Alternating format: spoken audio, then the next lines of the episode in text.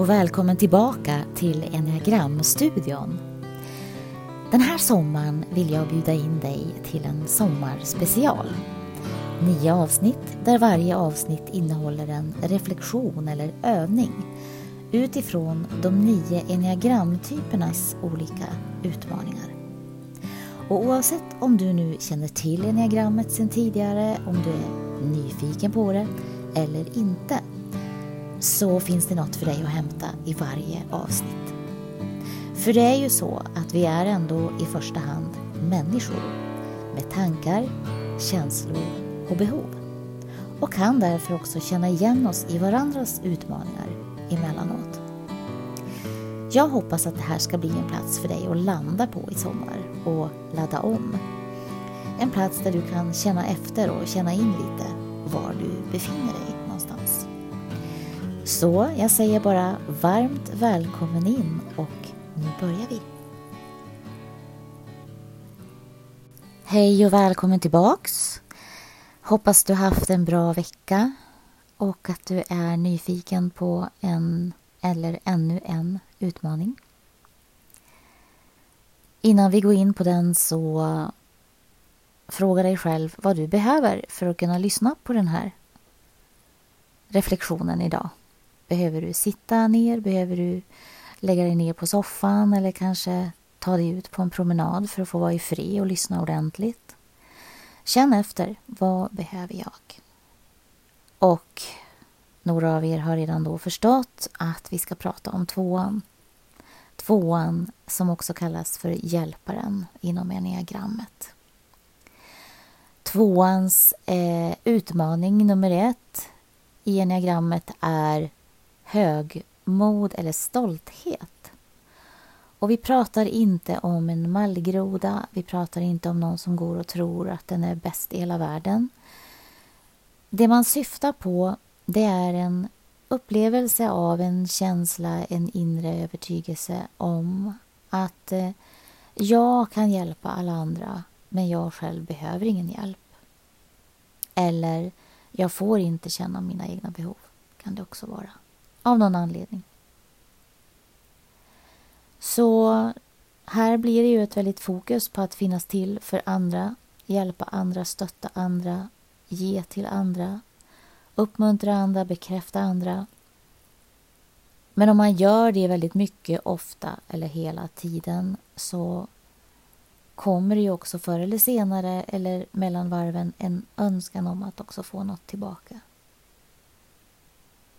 Och när det inte kommer så kan det också då bli en slags eh, eh, en besvikelse över det, en det engelska ordet resentment.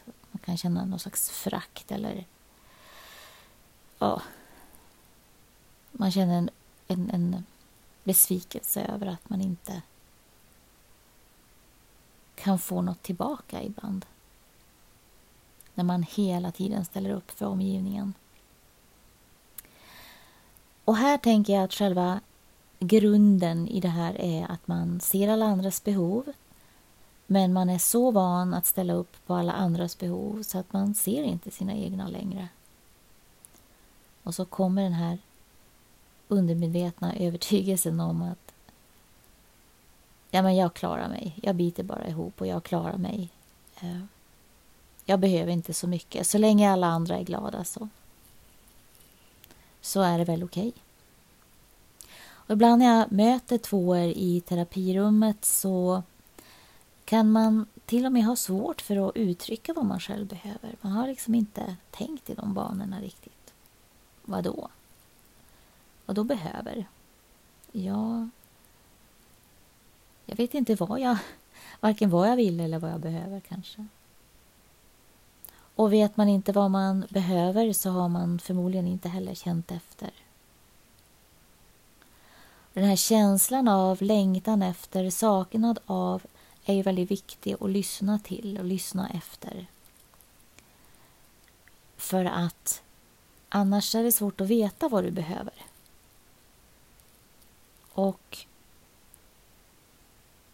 idag skulle jag bara vilja ingjuta liksom acceptans och övertygelse om att du får ha egna behov.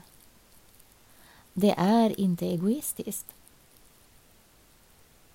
Och att älska andra, tycka om andra, ha omsorg om andra måste också innefatta att du älskar dig själv, tycker om dig själv och vill ta hand om dig.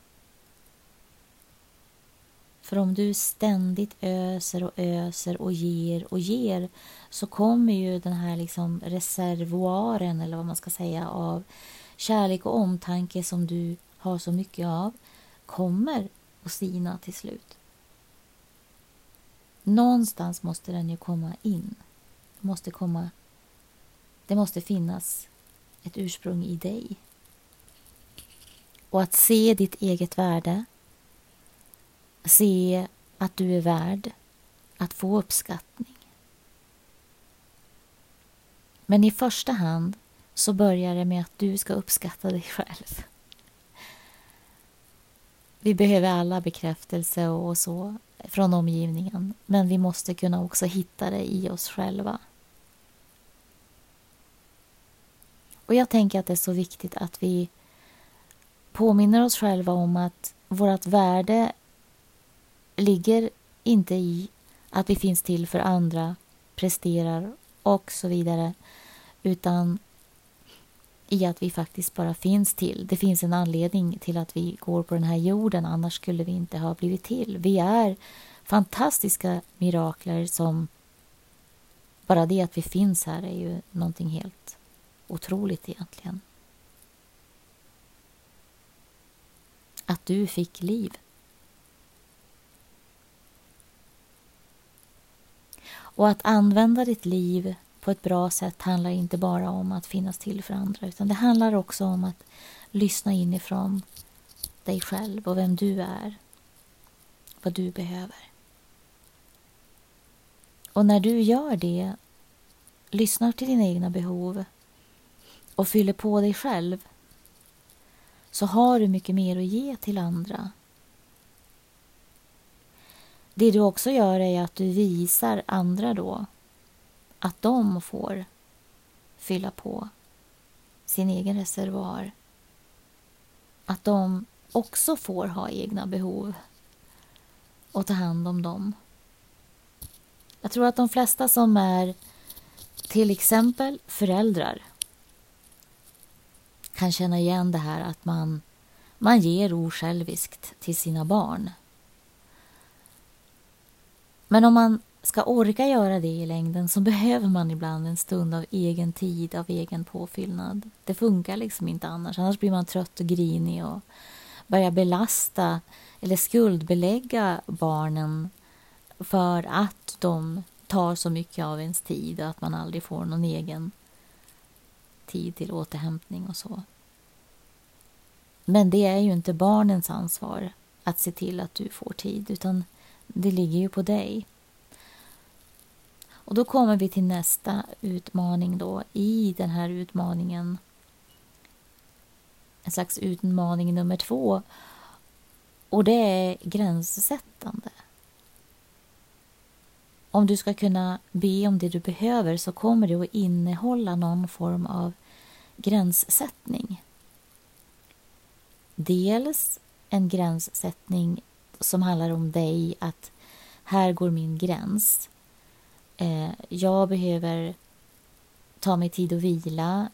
Jag säger inte ja till att ställa upp på det där, utan jag säger nej. Att vara lyhörd, ge dig själv rätten att välja och prioritera det som djupast sett känns viktigast för dig just då. Det handlar också om att säga nej eller sätta en gräns utåt mot andra. Att här kan inte du, nu måste du stanna, nu måste du ge mig space. Kanske i ett förhållande till exempel. Att nu är det nog. Du får backa eller det här funkar inte. Många som har tvåans strategi, hjälparens, eh, kan ha jobbigt med att sätta gränser. Man är så övertygad om att kärleken övervinner allt och,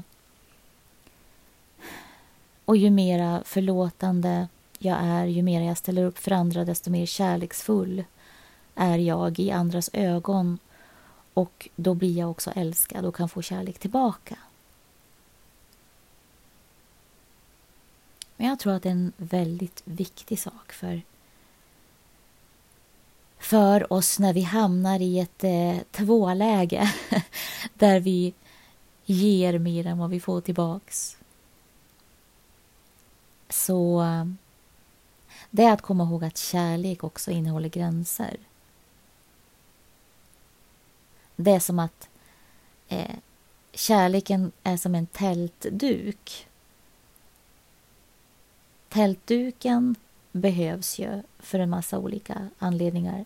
Men om den inte också har de här tältpinnarna som håller uppe tältet så, så går det liksom inte att bo där inne. Eller hur? Det blir liksom ingen luft där inne. Men med de här tältpinnarna så blir det stabilitet och det blir en space där inne att finnas på. på något sätt. Och så måste det vara i en relation. att det måste finnas luft. Det måste finnas tältpinnar som säger att det här är det jag förväntar mig av den här relationen. Det här är det jag behöver för att kunna vara i den här relationen. Och om det inte upprätthålls, då måste jag sätta gräns. Så hur väl du än vill från ditt håll så är det också viktigt att se när du inte får detsamma tillbaka. Annars blir du den här som ger och ger och ger på bekostnad av dig själv. Och det blir osunt i längden. Det är svårt att stå för sina behov om man inte är van att göra det. Det kan kännas egoistiskt. Det kan kännas eh, som att man söker uppmärksamhet och så.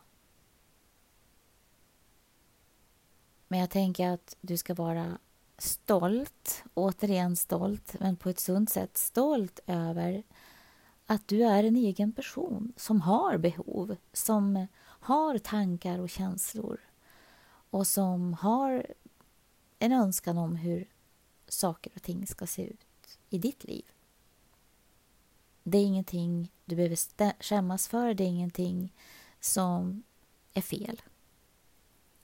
Min upplevelse är att människor som tycker om sig själva något sånär, jag menar vi, vi har väl alla våra grejer vi kämpar med och som vi önskar vara annorlunda, men att med en slags sund självkänsla så kan man ge mera otvunget, man kan ge utan att behöva så mycket tillbaka. Därför att liksom, reservoaren är på något vis tillräckligt full för att det ska finnas möjlighet att ge utan att kräva tillbaka eller bli bitter över att inte få något tillbaka. Men den där balansen innebär ju att i en relation så behöver du också känna att du får tillräckligt mycket tillbaka för att det ska vara värt det för dig. Så det jag vill skicka med dig idag det är stanna upp någon gång nu och då under veckan som kommer. Ta dig undan liksom lite för dig själv, lite egen tid. Lägg händerna på hjärtat. Ta några djupa andetag. Och bara känn inåt en stund. Vad behöver jag just nu? Och det kan vara vi pratar pyttesteg här nu. Det kan vara jag behöver nog lägga mig ner och sova en stund. Eller ah, jag längtar bara efter att träffa någon vuxen. Jag har varit så mycket med barnen hela tiden. Jag behöver lite bara få träffa mina väninnor eller vad det kan vara. Och fixa det för din egen skull.